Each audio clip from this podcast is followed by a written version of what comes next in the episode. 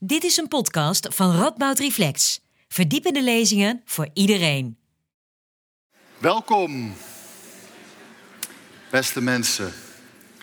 Intieme vreemde. Het klinkt misschien als een tegenspraak. Met een vreemde zijn we immers niet intiem en met iemand, iemand die ons intiem is, die is voor ons niet vreemd. Of is het wel zo simpel? Intieme vreemde is het thema van de maand van de filosofie. En in het kader daarvan schreef de spreker van vanavond een essay onder diezelfde titel. Ik heb het natuurlijk over Paul Verhagen, emeritus professor klinische psychologie aan de Universiteit van Gent. Geen vreemde uh, voor velen van jullie, gok ik, en zeker niet in Nijmegen, waar hij eerder sprak over zijn drieluik, over identiteit, autoriteit en intimiteit. Twee jaar geleden schreef hij Houd afstand, raak me aan over de coronacrisis, dat ook al raakt aan dit thema van intimiteit. We gaan vanavond luisteren naar Paul Verhagen en daarna zal ik, Simon Gusman, filosoof verbonden aan de Radboud Universiteit, met hem in gesprek gaan. Maar dat niet alleen. Eline Vennis, een van de jonge denkers des vaderlands, zal een column voordragen. En natuurlijk is er ook ruimte voor vragen van degenen die mij nu nog vreemd zijn, maar hopelijk straks een beetje intiemer, het publiek. Ik geef graag het woord aan professor Paul Verhagen.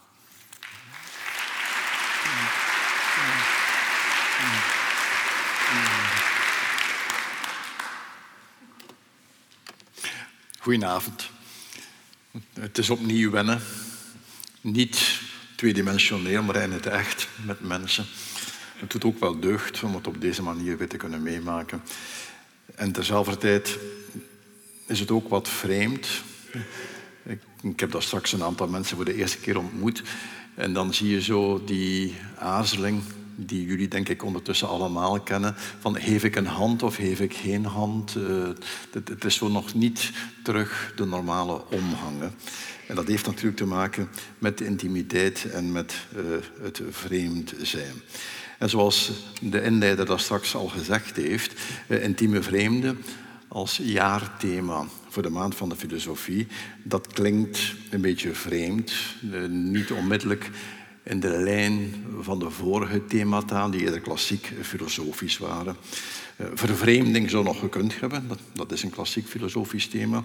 Maar intieme vreemde, die uitdrukking op zich bevat een interne tegenstelling. Eh, vreemd, intiem, hoe rijm je dat aan elkaar? Voor mij is het misschien een stukje minder vreemd, omdat ik op grond van mijn achtergrond. Ik ben nog psychoanalytisch geschoold, eh, omdat ik op grond van mijn achtergrond dat ken vanuit het werk van Sigmund Freud en tezelfde tijd ook vanuit de Duitse taal. Eh, in het Duits heeft men een uitdrukking waarin die tegenstelling samengebald wordt in één woord. En dan hebben we het natuurlijk over das Unheimliche. En dat woord is eigenlijk onvertaalbaar. Je kan dat niet vertalen in het Engels, je kan dat niet vertalen in het uh, Frans je hebt, of in het Nederlands. Je hebt daar telkens meerdere, meerdere woorden voor nodig. Het bevat een tegenstelling die we niet verwachten, maar die we, denk ik, ernstig uh, moeten nemen. En dat wordt dan meteen ook de centrale stelling en eigenlijk voor een stuk zelfs de, de vaststelling van het eh, betoog dat ik deze avond wil houden. Met name het volgende, dat er in het intieme, ook in het mooie intieme, dat er in het intieme altijd het vreemde schuilt. En niet alleen het vreemde, af en toe zelfs het beangstigende. Vandaar onze dubbele en zelfs onze dubbelzinnige verhouding tot de intimiteit. Natuurlijk verlangen we naar intimiteit. Eh, we willen niets liever. Maar toch, bij tijd en wijle wordt intimiteit ons te veel en rennen we daar heel hard van weg. Waarom dat zo is, dat was de uitgangsvraag waarmee ik mijn voorbereidend werk bij het schrijven van dit essay aangevat heb. En tot mijn eigen verrassing ging het antwoord veel verder dan ik verwacht had. Maar dat is voor straks, dat voor het slot. In de aanloop daar naartoe besteed ik voor eerst aandacht aan twee meer voor de hand liggende filosofische benaderingen van het onderwerp intieme vreemde. Dat wordt in het essay ietsje uitvoeriger uitgewerkt, maar nu ga ik er wat minder tijd aan besteden. Het eerste thema betreft zelfkennis. En dat handelt over de intieme vreemde die ik zelf voor mijzelf ben. Het tweede ligt in dezelfde lijn, maar is fundamenteeler. Want daar beschouw ik mijn lichaam als de meest intieme, ultieme vreemde. En die dubbele insteek, zelfkennis, lichaam, die dubbele insteek laat mij toe een, een hedendaagse invulling te geven aan een klassiek filosofisch begrip, met name dat van de vervreemding. Maar nogmaals, ik ga dat niet echt uitwerken, maar misschien kunnen we daar straks tijdens het uh, vragen en antwoorden dieper op ingaan. Na kort op die twee zaken ingegaan te hebben, zal ik dan uitwerken wat voor mij ja, het resultaat was van mijn bevraging. En daarbij ga ik iets doen wat je nooit mocht doen bij een uiteenzetting. Ik ga spreken over iets wat ik zelf niet begrijp. Dat is geen goed idee, dat weet ik als hoogleraar, maar ik ga het toch doen. Ik ben met emeritatus, als rol meer.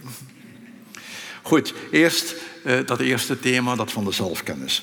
Tegenwoordig leven wij in het tijdperk van het dikke ik. En eh, dat dikke ik blijkt bij nader inzien vooral een wanhopig ik te zijn. De meest bekende, intieme vreemde, dat ben ik zelf. Maar dat is eigenlijk altijd al het geval geweest. Hè? Een flink stuk van de geschiedenis van de filosofie heeft te maken met de zoektocht naar wie wij zijn. Met opdrachten zoals ken jezelf en word jezelf. Dat is een hele klus, het vraagt heel veel werk en ook heel veel reizen. De generatie waar ik toe behoor ging zichzelf vooral in India zoeken. Dat is ondertussen een beetje achterhaald. De voorbije decennia wordt de zoektocht verder gezet in de psychologie. Dat is dichter bij huis. En die psychologie die heeft onder meer het idee van een identiteitscrisis geïntroduceerd. En tegenwoordig huppelen wij van de ene crisis naar de andere. Van een puberteitscrisis over een quarterlife crisis tot een midlife crisis. En naar verluid gaat het met de senioren ook niet meer al te best. Heel recent is het identiteitsdebat niet alleen meer een politiek, maar zelfs een seksueel probleem geworden. Dus van nationaliteitskwesties tot genderdysforie. En de conclusie van al dat krakeel is even duidelijk als onvermijdelijk. Ik ben een intieme vreemde voor mijzelf. We weten niet langer wie we zijn. En de laatste stap in deze evolutie is het zogenaamde impostor-syndroom. De overtuiging dat ik, dat mijn identiteit fake is, een constructie. Gezien de alomtegenwoordige verwarring ben ik dan ook erg blij dat ik op dit feest van de filosofie het verlossende antwoord kan brengen. Dames en heren, zoek niet verder. De overtuiging dat uw identiteit fake is, is helemaal correct. U bent fake, ik ben fake, we zijn allemaal fake. En bovendien is dat zonder meer een bevrijdende vaststelling. We zitten niet gevangen in een verondersteld oorspronkelijke identiteit die we met langdurig graafwerk moeten terugvinden en waar we ons vervolgens bij moeten neerleggen. Integendeel, we hebben echt wel keuzemogelijkheden. Alleen beseffen we dat nauwelijks en gebruiken we ze niet. Wie wij zijn, ons ik dus, dat is het resultaat van een constructie, opgetrokken uit bouwstenen, aangereikt door de buitenwereld. En het bouwplan van die constructie wordt om de zoveel tijd aangepast zodat we levenslang bezig blijven met verbouwingen. Was ik opgegroeid in een andere omgeving, denk maar aan adoptie, dan zouden andere bouwmeesters een andere constructie opgedrongen hebben met andere bouwstenen. Voor wie droomt over zijn of haar echte, authentieke zelf, is dit natuurlijk een teleurstellende vaststelling. Gedurende een bepaalde periode van de geschiedenis van de filosofie ging er heel veel aandacht naar dat, idee van vervreemding met een uh, veronderstelde oorspronkelijke identiteit van de nobele wilde die we diep van binnen allemaal zouden zijn. Het spijt me, maar die is er niet. En voor mij is dat ontbreken van dat authentieke zelf inderdaad een bevrijding. In plaats van op zoek te moeten gaan naar mijn veronderstelde echte identiteit, in plaats van het eindeloos moeten najagen van mijn schaduw, kan ik nu eindelijk tijd besteden aan het ontdekken van de eerste intieme onbekende die dicht bij mij staat. En dat is mijn lichaam. En vervolgens kan ik in het maken van keuzes daar rekening mee houden voorbij de beelden die mij langs alle kanten opgelegd worden. Daarmee ben ik aanbeland bij mijn tweede thema, het lichaam als intieme vreemde.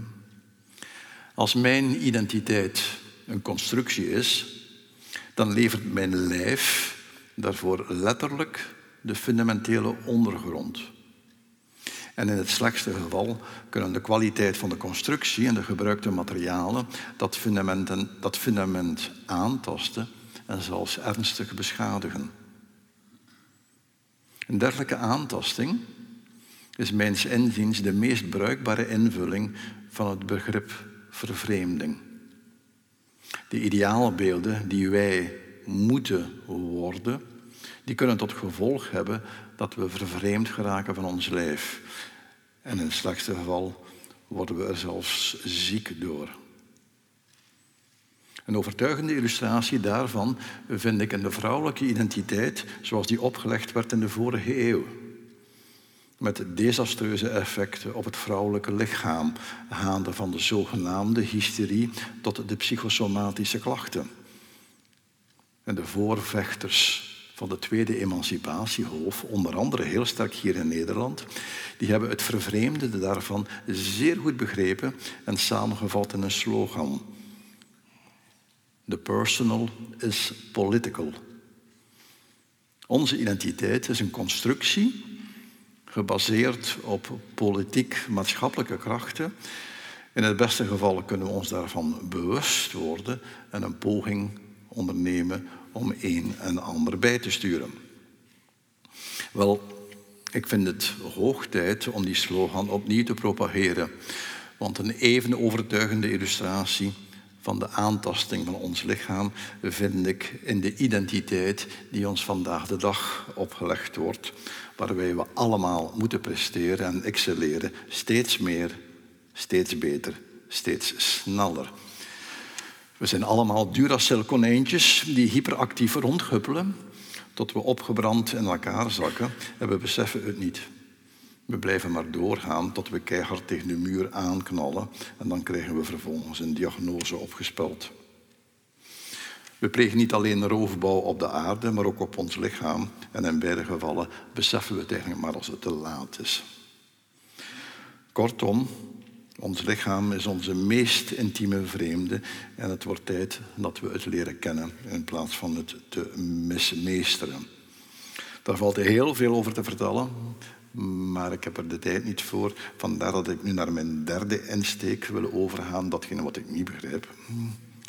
En ik wil het hebben, specifiek met dat onderwerp voor mijn ogen, intieme vreemde. Ik wil het hebben over twee oerkrachten die in ons aan het werk zijn maar niet alleen in ons.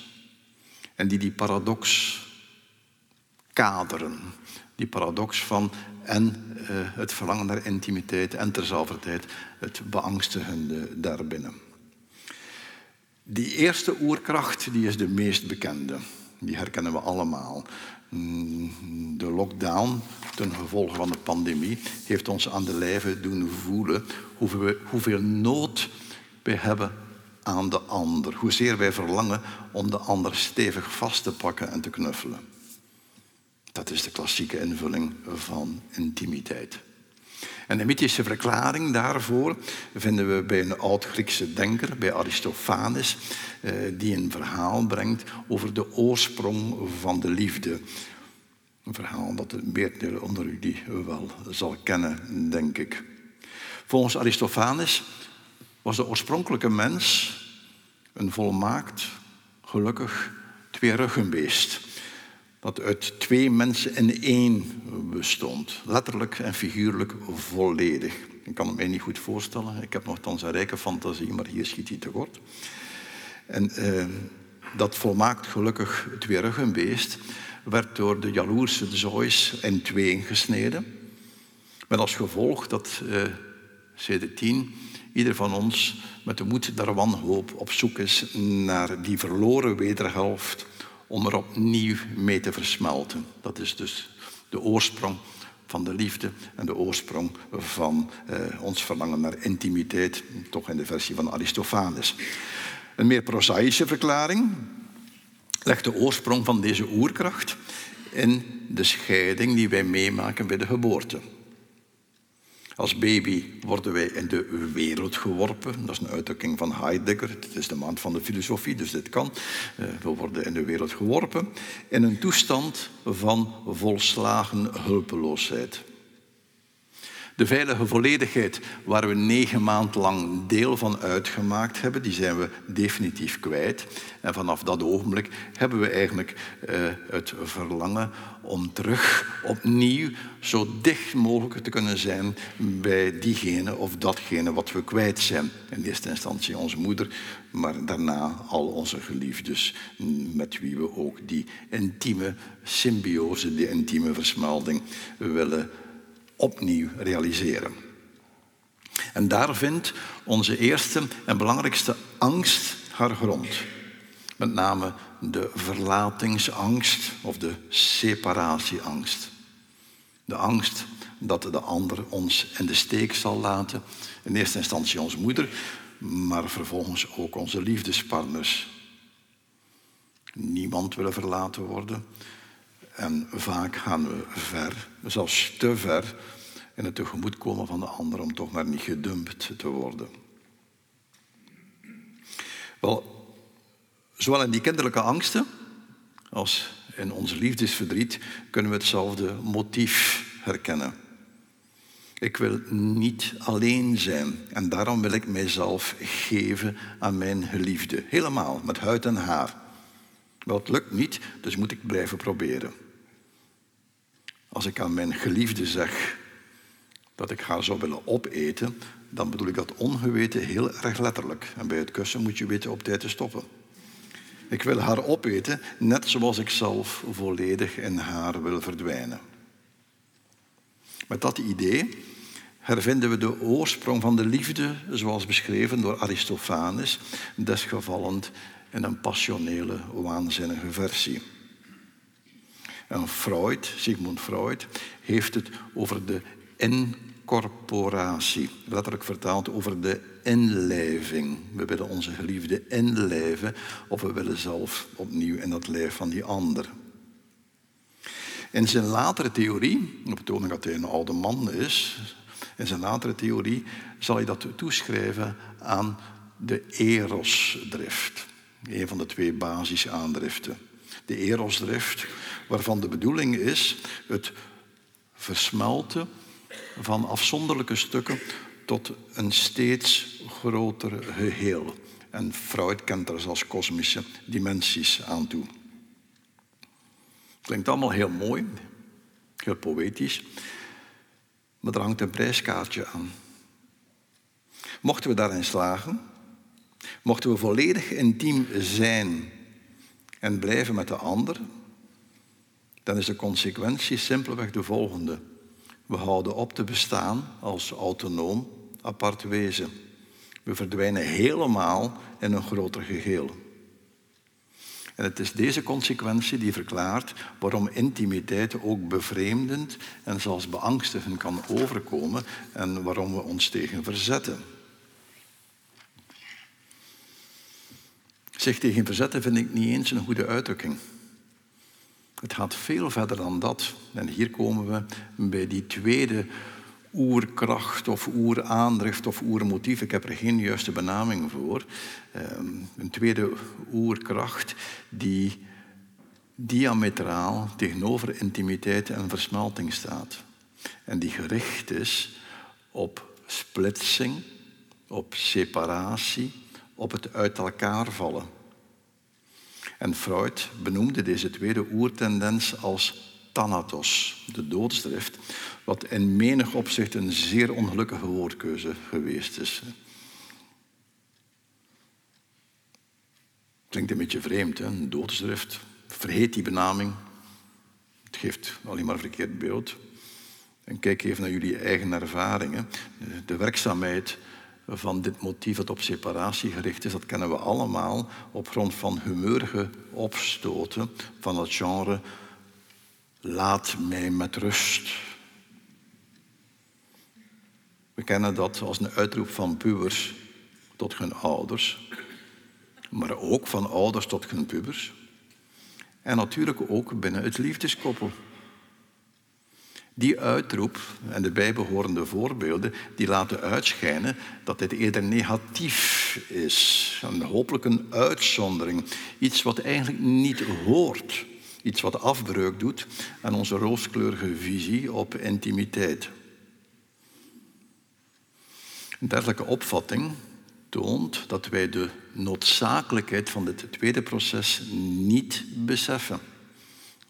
Voor onze ontwikkeling is zij minstens even belangrijk als de eerste, als deze die gericht is op het willen samenvallen met de ander. Want zonder die tweede oertendens, of oerkracht of oermotief, daarzonder zouden wij nooit weggeraakt zijn bij onze moeder. Dat lijkt mij geen goed idee. En opvallend genoeg hoort er bij deze tweede aandrift, aandrift pardon, ook een typische angst. Net zoals bij die eerste. Een typische angst die bovendien haaks staat op die vorige angst. In plaats van de verlatingsangst, waar we het daar straks over hadden, gaat het nu over de schrik dat de ander veel te dicht komt, ja, zelfs onder mijn huid kruipt. Dat is de intrusieangst, met als zwakkere psychologische variant de bindingsangst. Separatieangst en intrusieangst tonen hoe de twee basiskrachten haaks op elkaar staan en ons in twee tegenover elkaar staande richtingen sturen. Het eerste kennen we vrij goed, dat te maken heeft met intimiteit. Het tweede kennen we nauwelijks. En zoals ik al zei, het laat mij met rust. Dat klinkt heel erg negatief. En dat verklaart vermoedelijk waarom we er ook geen duidelijke benamingen voor hebben. Ook in de populaire cultuur krijgt deze tweede basistendens veel minder aandacht dan de eerste. De eerste, het verlangen naar de ander, het verlangen naar intimiteit, dat vind je overal terug, van de slagers tot Shakespeare. Dat is alomtegenwoordig. Maar bij mijn weten zijn er maar weinig liedjesteksten met als onderwerp het smachtend verlangen naar alleen zijn.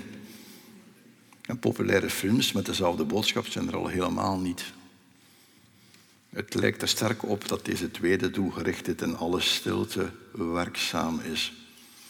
En daarmee kan ik terugkeren naar Freud, die dat ook als een kenmerk beschouwde van die tweede oerdrift, van die thanatos of die doodsdrift.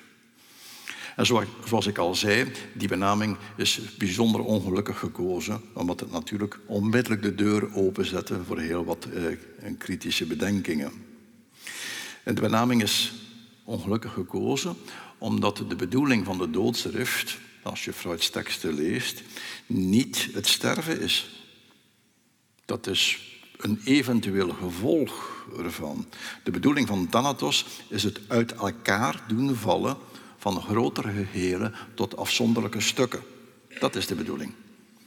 En de dood kan daar een gevolg van zijn, maar dat is iets wat dan in de, marge daarvan gebeurt, in de zijlijn kern van de zaak voor Freud is het volgende. Eros brengt samen, Thanatos veroorzaakt ontbinding. En zoals ik al zei, schreef die theorie neer toen hij dik bij de tachtig was, een oude man met zicht op de dood. En men beschouwde die theorie dan ook als wat speculatief geneuzel van iemand die toch op het einde van zijn carrière was en ondertussen een stuk zijn geloofwaardigheid al kwijt was. Als we toepassen op intimiteit en een beetje eerlijk zijn met onszelf, dan kunnen we daar dan toch wel een en ander mee herkennen. Ja, natuurlijk wil ik intiem zijn met de ander. Natuurlijk wil ik versmelten met hem of haar. Maar nee, toch ook weer niet, of toch niet helemaal. Want af en toe wil ik ook alleen zijn. Wil ik mijn autonomie behouden. Terugkerend naar Freud, wat men al helemaal niet gezien had in zijn beschrijvingen, ook al omdat het zo onbegrijpelijk is, en het blijft onbegrijpelijk, wat men al helemaal niet gezien had in zijn theorieën, is dat hij het heeft over energie. En dat is heel vreemd. Freud wordt vandaag de dag nog nauwelijks gelezen, maar voor de mensen die de moeite doen om hem wel te lezen, dus heel veel verouderd en heel veel is inderdaad ondertussen achterhaald, maar een aantal dingen blijven toch wel overeind. Eh, en dat zijn dan vaak ook de meest enigmatische dingen. En een van de zaken die je in zijn werk vanaf het begin eh, ontmoet, is zijn accent op energie, op de manier waarop ons leven, psychologisch, somatisch, sociaal, wat dat bepaald wordt door energetische processen. En dat wordt, als men daar al aandacht aan besteedt, wordt dat beschouwd als een soort beeldspraak, als een soort metafoor, terwijl het vrij duidelijk is dat dat voor hem niet het geval was. Wel, als we nu terugkeren naar die vreemde oppositie tussen Eros en Thanatos, dan kun je in zijn beschrijvingen lezen dat het niet alleen gaat over, in het geval van Eros, over het samenbrengen van afzonderlijke elementen tot een groter geheel. Dat ook. Maar dat het vooral gaat over een opbouw van energetische spanningen. Want dat grotere geheel wordt samengehouden door een toenemende energetische spanning. En omgekeerd dat die thanatos alles te maken heeft, dus die thanatos die gericht is op het uit elkaar vallen, van grotere gehelen tot afzonderlijke stukken, dat dat te maken heeft met energetische ontladingsprocessen. Het is niet eens zo moeilijk om daar een concrete toepassing van te vinden op seksueel vlak.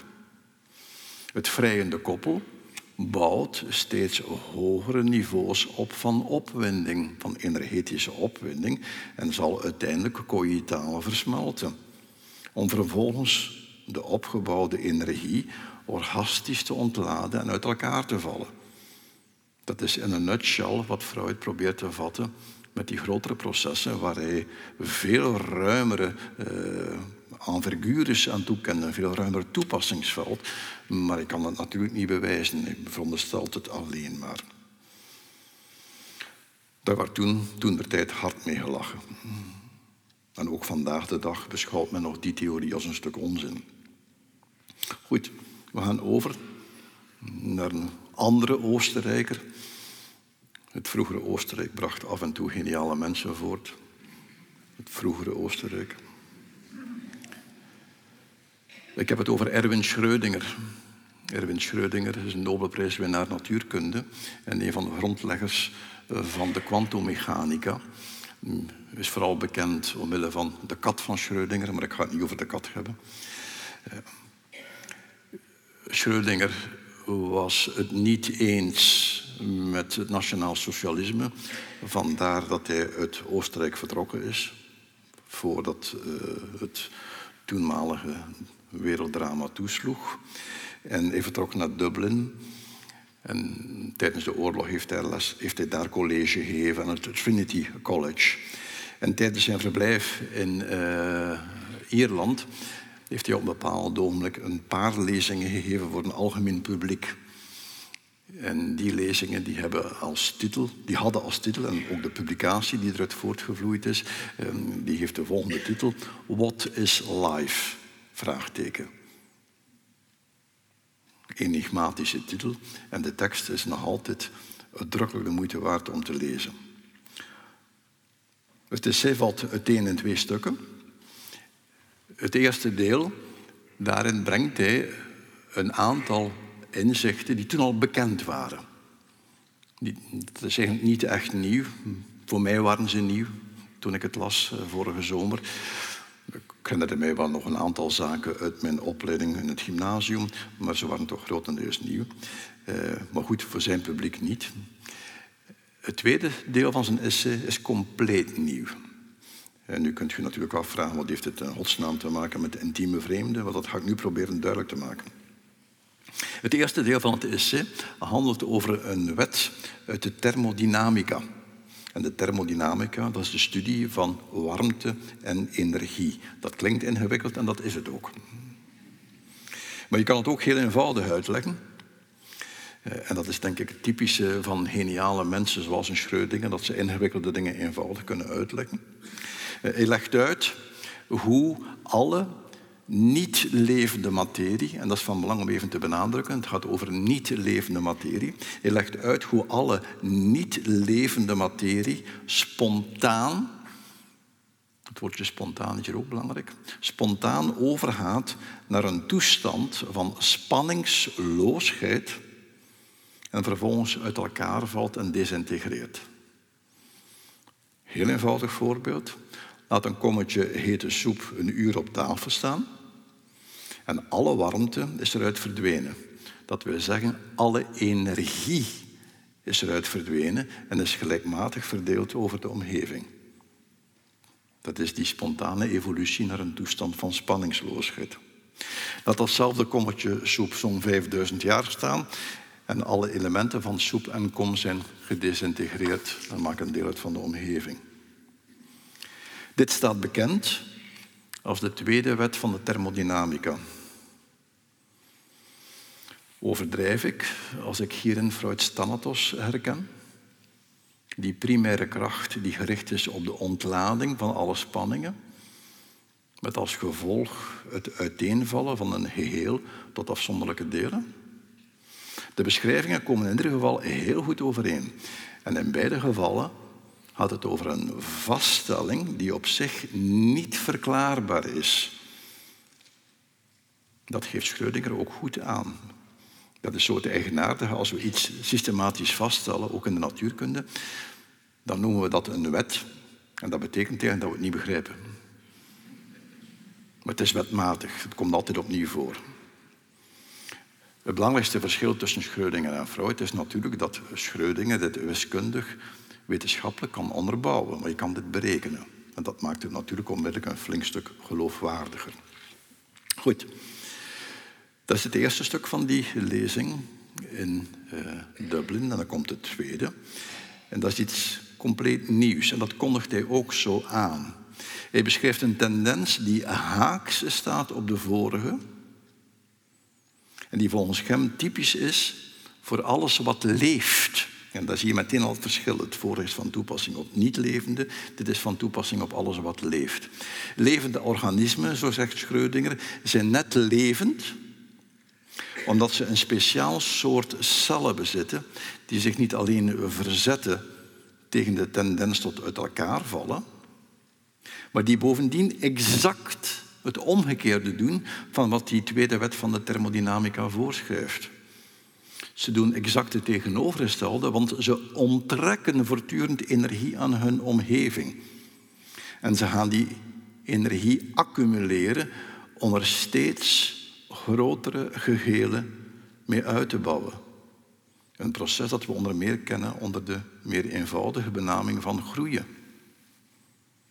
En dat gaat door tot het moment waarop het levende wezen sterft, waarna alle spanning wegvalt en ontladen wordt en het lichaam vervolgens desintegreert. Daar neemt de tweede wet van de thermodynamica over.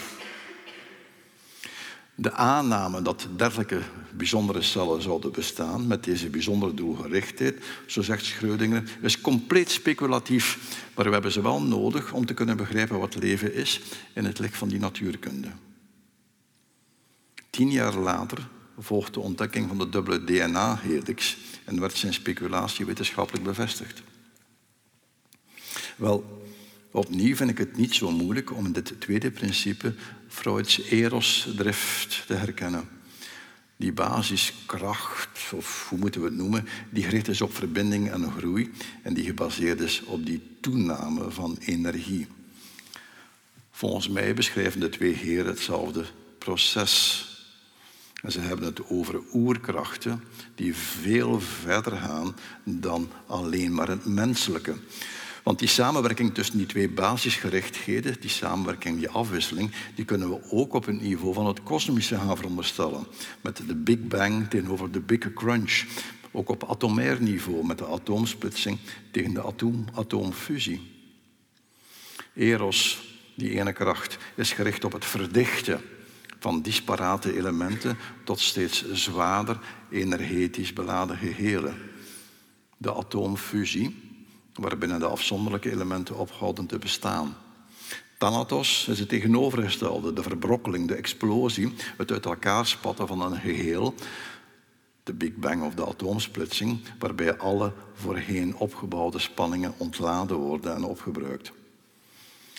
Het menselijke, en dat is hetgeen wat Freud ook aangaf, het menselijke is slechts een klein onderdeel van die veel grotere energetische processen. In de woorden van de Franse heel oude filosoof Blaise Pascal is het mensenleven een éclair entre deux éternités. Een lichtflits tussen twee eeuwigheden. Mooier dan dat kan ik het niet verwoorden. Voor de mensen die een beetje bekend zijn met de antropologie, zowel Freud als Schrödinger maken deel uit van een traditie die aan, basis, aan de basis van het universum twee antagonistische principes aan het werk zien. En ook Schrödinger, herinner u, Nobelprijswinnaar natuurkunde, ook Schrödinger raakt niet verder dan een beschrijving. En zowel Schrödinger als een andere Nobelprijswinnaar natuurkunde, met name Richard Feynman, maken altijd het onderscheid tussen iets kunnen beschrijven en iets kunnen verklaren. Vooral duidelijkheid, dit is geen verklaring, dit is een beschrijving. We begrijpen niet hoe het werkt, we, weten, we begrijpen niet waarom het werkt, maar we kunnen wel er een beschrijving van maken. En Schrödinger eindigt zijn lezing met een verwijzing naar de Upanishads van het Hindoeïsme.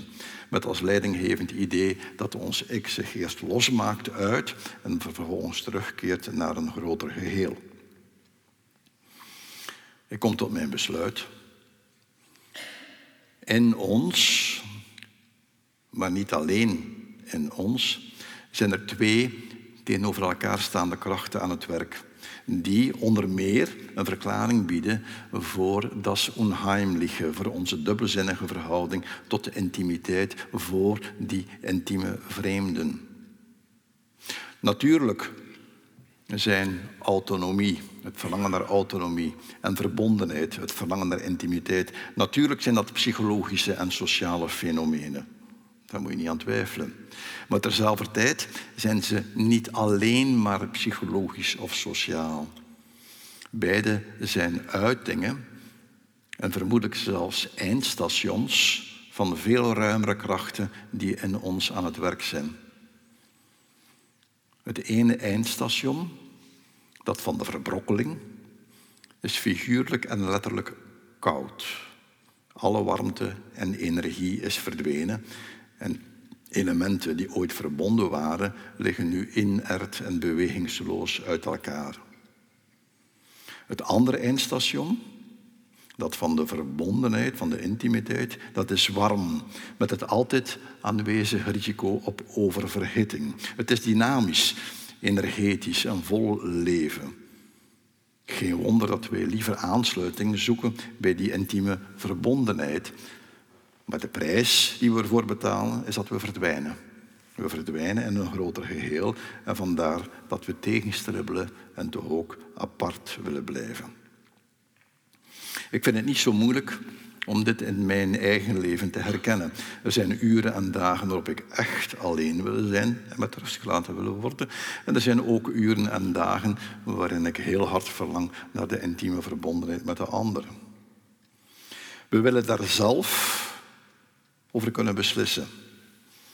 Vandaar dat we ons ongeveer allemaal verzet hebben tegen de verplichte isolatie die we meegemaakt hebben tijdens de pandemie. Ik ben ervan overtuigd dat we ons even hard zouden verzet hebben tegen een verplichte verbinding. Het is nog maar de vraag of dat wij daar zoveel beslissingsrecht bij hebben. Ik kom tot mijn slot. Het zou wel vast helpen op meerdere vlakken mochten we ons bewust worden van het feit dat wij onderdelen zijn van een groter dynamisch geheel, waarin steeds meer energie geaccumuleerd en ontladen wordt. Toen ik dit schreef, wist ik niet in welke toestand we ons op vlak van de energie zouden beschrijven vandaag bevinden. En misschien, heel misschien, kan deze bewustwording ons helpen om inderdaad wat invloed uit te oefenen op dat grotere geheel. Dank u.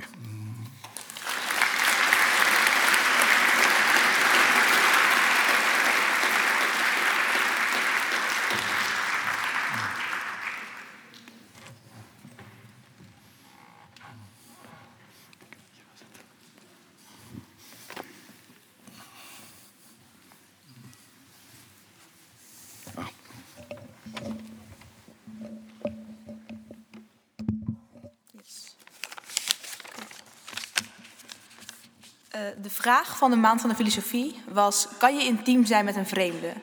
Nou, kijk er maar even in de zaal en vind een vreemde. Zou u intiem kunnen zijn met die persoon? Kijkt u maar echt. yes. Nou, uh, mijn antwoord is als volgt. Sinds mijn geboorte ben ik op zoek naar mezelf, net als elk ander mens. Het leven is eigenlijk één grote ontrafeling van wie je eigenlijk bent. In den beginnen zijn we allemaal vreemden niet alleen naar elkaar, maar ook naar jezelf. Tijdens de zoektocht naar jezelf word je gelukkig wel geholpen door je omgeving. In het begin is alles vreemd, maar door te groeien, fouten te maken en te ontwikkelen, leer je de dingen kennen. In den beginnen voelt alles als toeval, alsof er geen reden achter zit, maar na gegroeid te zijn, je te hebben ontwikkeld en jezelf en je omgeving stukje bij beetje te leren kennen, krijgt toeval opeens een reden. Het ontvreemdingsproces. Intimiteit is een moeilijk proces, eh, is een wijze uitspraak van Virginia Woolf, maar zonder intimiteit zijn we eigenlijk nergens. Intimiteit heeft voor elk mens een, ander, een andere betekenis. Mijn betekenis is de ervaring van verbondenheid in de breedste zin mogelijk. Oftewel op emotioneel, spiritueel, maar ook lichamelijk vlak met elk ding mogelijk. We hebben de mogelijkheid tot intimiteit nodig om connecties te maken met anderen. Intimiteit is, is noodzakelijk in het ontrafelingsproces naar jezelf en de wereld om je heen. Vreemdheid en vreemde zijn even goed noodzakelijk als intimiteit. De exacte definitie van uh, vreemde is iets of iemand onbekend. Ik denk dat vreemde of iets vreemds ook iets is wat je nog niet kent of waar je het bestaan nog niet van af weet. Maar in hoeverre is iets nog vreemd als je er intiem mee bent geweest? Kan je überhaupt intiem zijn met een vreemde? En wat nou als jij zelf die vreemde bent? Doordat je steeds doorontwikkelt en verandert van persoon door de jaren heen, wordt het zoeken naar jezelf steeds lastiger gemaakt. Je hebt jezelf nog niet gevonden voordat je weer doorontwikkelt. Sommige mensen hebben zichzelf na heel wat jaren nog steeds niet gevonden. Je kan dus zeggen dat jij of aspecten van jezelf altijd vreemd zullen zijn. Voor anderen ben je overigens ook een vreemde. Als je in een vriendschaps-, familie- of liefdesrelatie bent met iemand, zijn die anderen naast een zoektocht naar zichzelf ook met een zoektocht naar jou bezig. Om dat ontrafelingsproces te bevorderen en überhaupt zo'n relatie aan te gaan, moet je eerst intiem zijn geweest. Je kan dus onmogelijk niet intiem zijn met een vreemde. Andere mensen zijn noodzakelijk in je leven. Buren, vrienden, familie, collega's, noem maar op. Om een stempel te kunnen plakken op een relatie met een ander mens moet je eerst van vreemde naar bekende overstappen. En de eerste stap daarvoor is er verbinding leggen. Om geen vreemde meer te zijn, is intimiteit nodig. Je zult altijd intiem zijn met het vreemde. Zelfs als je alleen op een vlakte woont, als een soort Einzelganger. Uh, je zal bijvoorbeeld een ritme creëren. Je zal langzaamaan uitvinden dat er verschillende planten zijn en welke je kunt eten. En je afvragen waarom het s'nachts donker is en overdag weer licht. Je zult je hoe dan ook met je omgeving verbinden op emotioneel, spiritueel en fysiek vlak. In feite word je dus altijd gedwongen intiem te zijn met een vreemde of een vreemde omgeving. Dat gebeurt zelf vanaf de geboorte. Maar waar ligt die grens tussen vreemd en bekend? Zijn we niet altijd nog vreemd van elkaar? Er zal toch altijd iets onontdekt blijven? Ik geloof dat in zekere zin niets echt zeker is. En in zekere zin ben je dus je hele leven bezig met in een berg vol vreemdheid en onzekerheid zekerheid te creëren. Maar dat zal nooit volledig gebeuren. Altijd zullen er dus vreemde dingen zijn. De grens tussen vreemd en bekend is dus geen vast iets. Sommige mensen zijn wel, sommige dingen en mensen zijn wel volledig bekend en andere niet. Ik ben oneindig vreemd voor mezelf. Zo begon ik de zoektocht naar het schrijven van deze tekst. Maar ik kwam tot de conclusie dat eigenlijk alles vreemd is en dat je automatisch intiem bent met het vreemde, om het te ontvreemden. Daar is dus eigenlijk helemaal geen keuze in. Het is iets wat in de mens zit en naar buiten komt, in de steeds veranderende omgeving van de mensheid. Intimiteit en vreemdheid zijn verwikkeld met elkaar. Sterker nog, het een bestaat niet zonder het ander. En daarom is de enige uitweg in het ontvreemdingsproces, wat we elke dag ondergaan, die zozeer gevreesde intimiteit. En dat mag hedendaags nog vaker in de praktijk worden gebracht. Dat.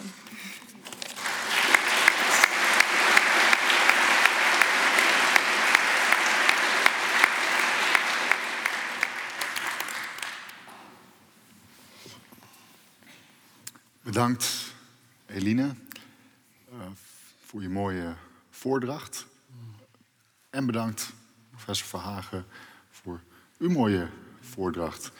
Drie thema's die alle drie te maken hebben met het thema intieme, het overkoepelende thema intieme vreemde. Dus zelfkennis, het lichaam en die verhouding met de ander. Ik heb ja, op alle drie wel iets dieper in willen gaan.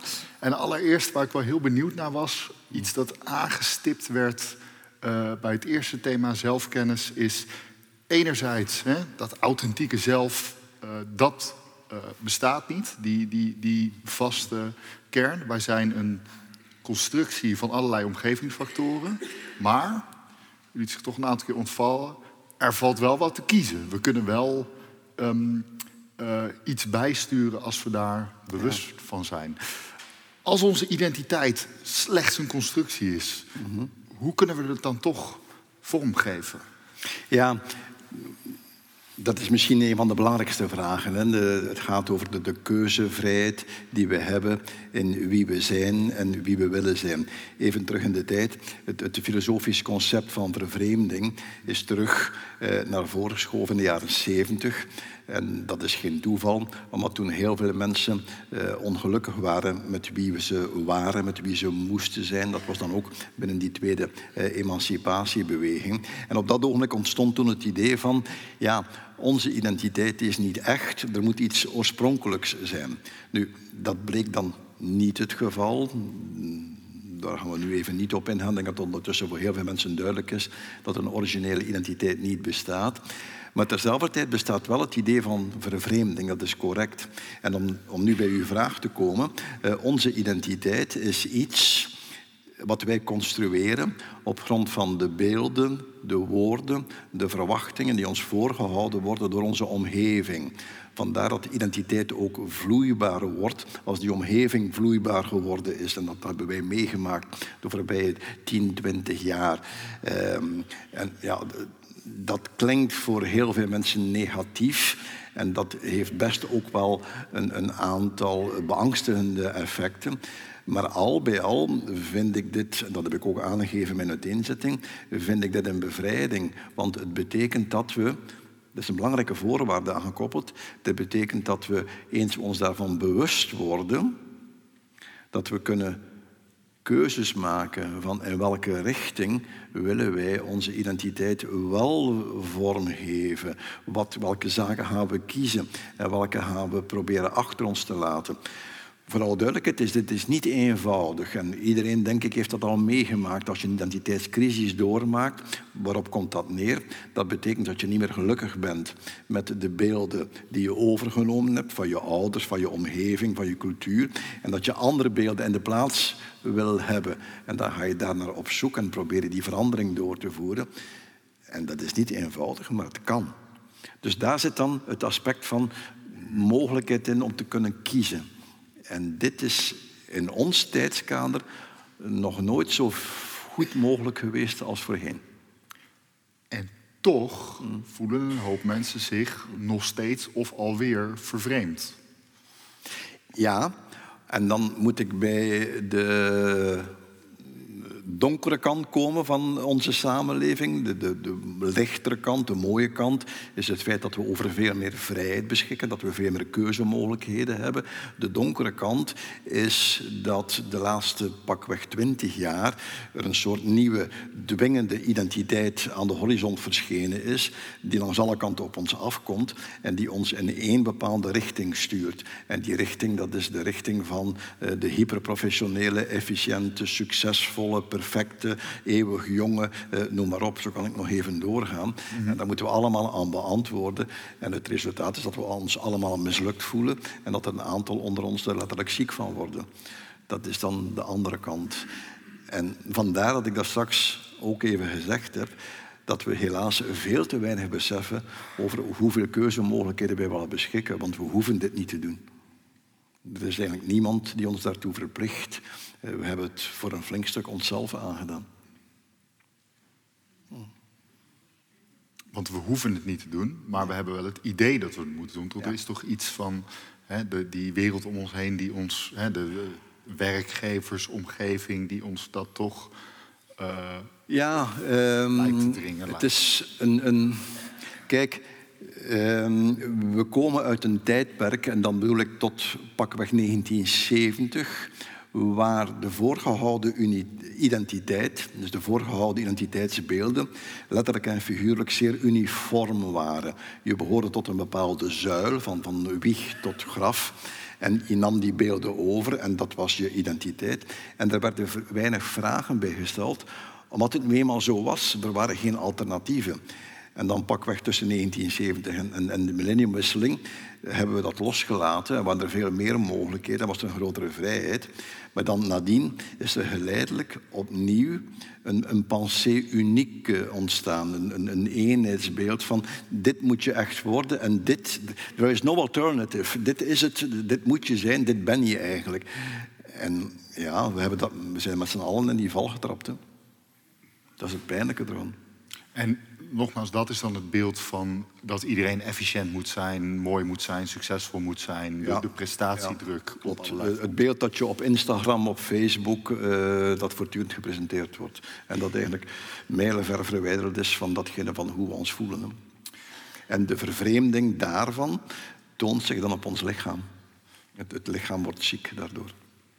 Want dat was inderdaad een, meteen een mooi bruggetje naar dat tweede thema. Dat vreemde lichaam, dat lichaam Ja. dat ons vreemd is.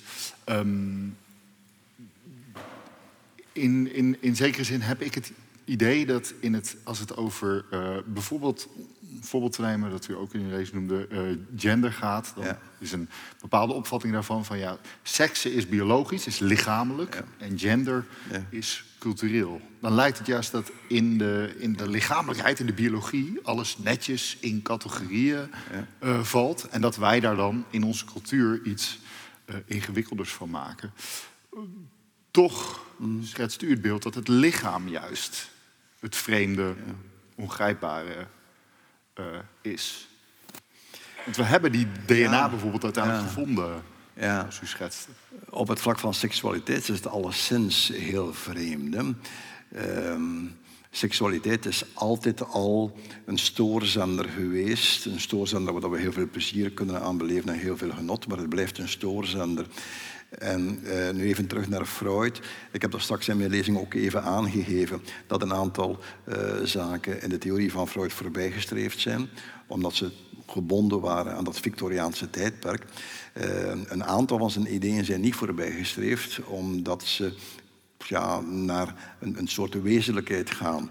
En een van de typische Freudiaanse begrippen is het begrip drift.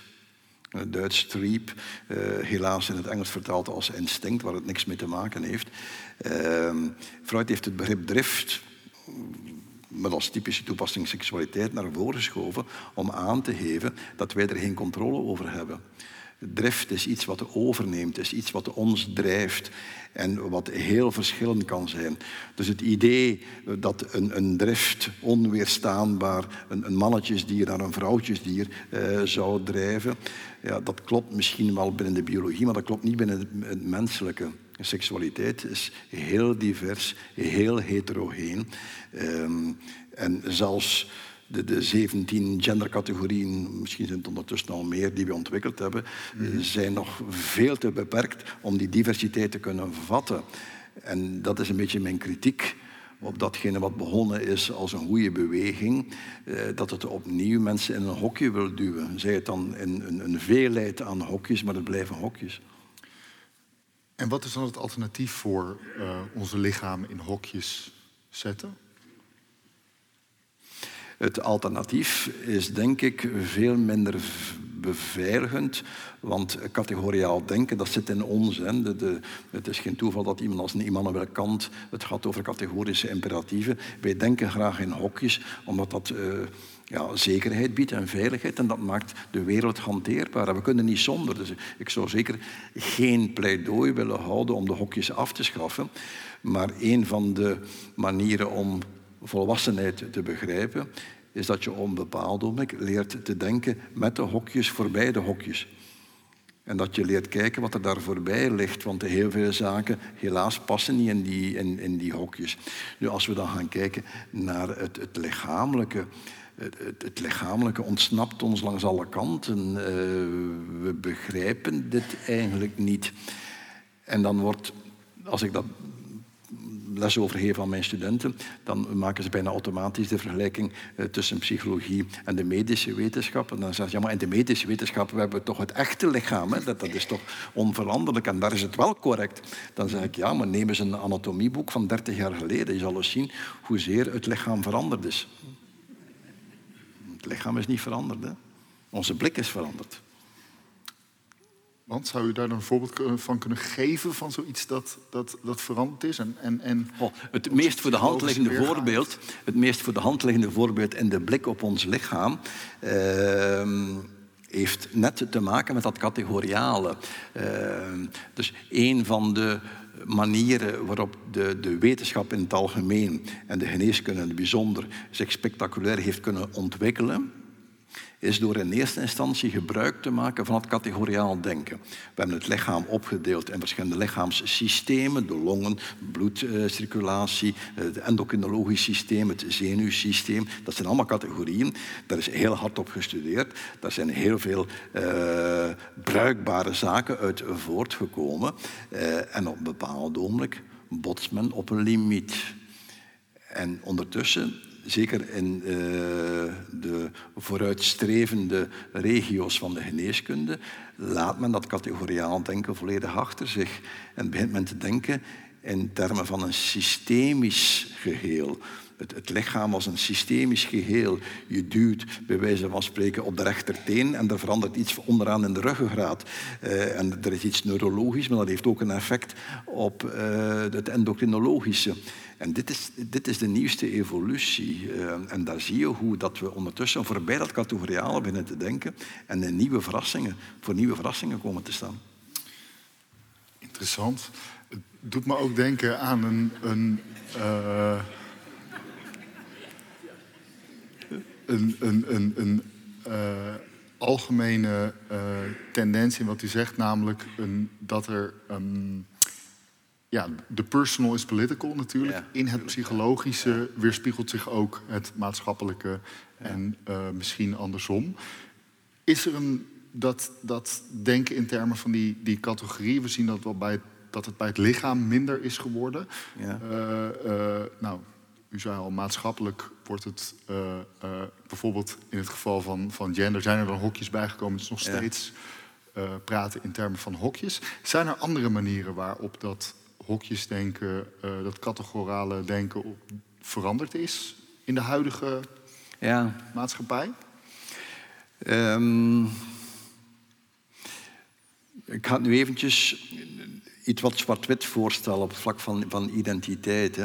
Ehm, met alle risico's natuurlijk, want dat is te naïef. Maar als we het eventjes zwart-wit bekijken, dan denk ik dat we een, een, een grotere groep mensen zien die evolueren in de richting van inderdaad die, die vloeibare identiteit, waarbij men heel veel aspecten van, van verschillende culturen, contexten overgenomen heeft. En dat is ontzettend boeiend. Dat zijn vaak de mensen die het geluk gehad hebben van opgegroeid te zijn in een stabiele omgeving, die stevig in hun schoenen staan en die dan ook vanuit die stevigheid die verschillende elementen kunnen binnenbrengen. Daartegenover heb je dan een andere groep, en nogmaals, het is een beetje te zwart-wit hoor, heb je dan een andere groep die dat geluk niet gehad heeft, die minder stevig in de schoenen staat. En die gaan zich dan, bij wijze van spreken, met de, moed der wanhoop gaan uh, vasthouden aan stevige identiteiten. En heel vaak in een soort naïef uh, etnische identiteit of nationalistische identiteit. En dat zie je op dit ogenblik wereldwijd. Je ziet die twee groepen tegenover elkaar. Dit is niet alleen in Nederland, niet alleen in België. Je ziet het overal. Uh, dus dat, daar denk ik kun je een illustratie daarvan zien. Hmm. Dat doet me meteen denken aan inderdaad het derde thema van hè, het ja. uh, uh, samenvallen met de groep of het terugtrekken uh, uit de groep. Die twee krachten, um, Eros en Thanatos. Natuurlijk, ik, ik snap heel goed, hè, zeker in onze, in onze intimiteit willen we beide. We willen onze eigenheid behouden, maar we willen ook ja. uh, uh, iets uh, van die ander. Ja. En daar is een, hè, het leven is een spel daartussen. Maar ik vraag me dan toch af, als ik iemand ben, hè, bijvoorbeeld iemand die naar een psycholoog gaat voor hulp, die worstelt met dit soort mm. vraagstukken, die worstelt met intimiteit. Wat, wat is dan de concrete uitwerking van die twee krachten voor mij? Wat moet ik ermee? Ja, dat is natuurlijk een ontzettend moeilijke vraag. Uh, een van de nog altijd aanwezige misvattingen in de psychologie in het algemeen en ook in de psychotherapie is dat wij uitgaan van het individu. Mm -hmm. Zeker psychologie is bij uitstek een, en daar hebben we niet moeten wachten op het individualisme vanaf de jaren negentig. Psychologie is bij uitstek gericht op het individu en zelfs eigenlijk op het ego, op het ik. Um, als je een, een aantal jaren therapeutische of zelfs medische praktijk eh, op je teller hebt staan, eh, dan weet je heel snel dat de problemen van een individu nooit alleen maar het probleem van dat individu zijn. Het is altijd veel ruimer. Het is het probleem van de omgeving. 30, eh, 40 jaar geleden was het het probleem van het gezin en de familie. Vandaag de dag is het heel vaak het probleem van de professionele omgeving. En dat wordt, men weet dat wel, dit wordt lang in heel veel publicaties ook beschreven, maar in de praktijk gaan we nog altijd dat individu naar de consultatiekamer brengen en dat individu proberen te behandelen. Het zij voor een burn-out, het zij voor een depressie, het zij voor hypersensitiviteit. Het, dan kan je heel eh, het, het, lijstje van de DSM nagaan. Dus dit is al een fout uitgangspunt. Vandaar dat ik het zo moeilijk heb om op uw vraag te beantwoorden. Wat mhm. doe je dan als dat individu komt? Wel, mijn eerste, alleen mijn eerste, uh, een van de denklijnen die ik hanteer wanneer ik met iemand begin te werken, uh, een van de denklijnen is van wat is de context? Wat is de context van, van die man of van die vrouw uh, die ervoor gezorgd heeft dat hij hier nu zit met die problemen waarvan hij of zij denkt dat het zijn problemen zijn, maar waarvan ik weet dat ze ruimer zijn. En hoe kan ik dan daar proberen iets aan te helpen veranderen zonder mij alleen op het individu te gaan richten, want dat betekent dat je hem of haar nog eens beschuldigt ook. Hè? Want het is zijn probleem. Hè? Het is eigenlijk een probleem dat ruimer is. Maar om nu de link te leggen met Eros en Thanatos, dat is dan nog een andere moeilijkheid. Ik wilde er toch naar vragen. Ik heb, me ingedekt, ik heb vanaf het begin gezegd dat ik het niet versta. Dat is ook waar. Want ja, dat, dat is dan toch nog steeds uh, uh, uh, het, het, het, het, het idee dat ik, dat ik heb van oké, er, is, er is Eros en Thanatos. Die twee krachten die zijn er. Die zijn er misschien op kosmisch niveau. Die zijn er in ieder geval dan op maat, maatschappelijk niveau. Um, laat ik het de, de, de vraag dan anders stellen. Op dit moment zijn wij als maatschappij meer bezig, te veel bezig met eros of te veel bezig met thanatos? Zijn wij te veel bezig met vreemdheid of intimiteit?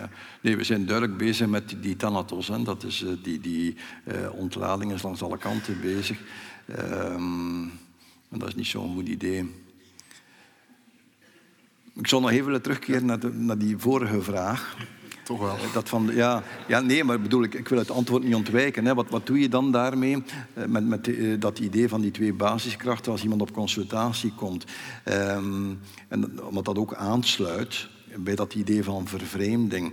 Um, iets wat mij telkens opnieuw opvalt, is hoe weinig of hoe beperkt het contact is dat we hebben met ons eigen lichaam.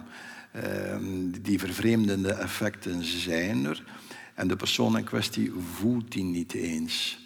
Het typische voorbeeld, en ik denk dat heel veel mensen in de zaal dat wel zullen het zij herkennen, het zij in het slechtste geval zelf meegemaakt hebben. Het, meest bekende voorbeeld tegenwoordig is een burn-out.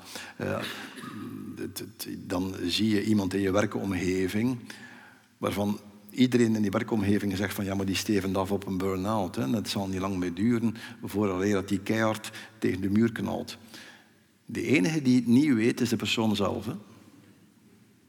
Dat is het vreemde daarvan. Die weet het niet, die voelt het niet. En die wordt dan vaak aangesproken door collega's van wat op, doe het wat minder, doe het wat rustiger. Geen probleem, doorgaan tot het eigenlijk erover gaat.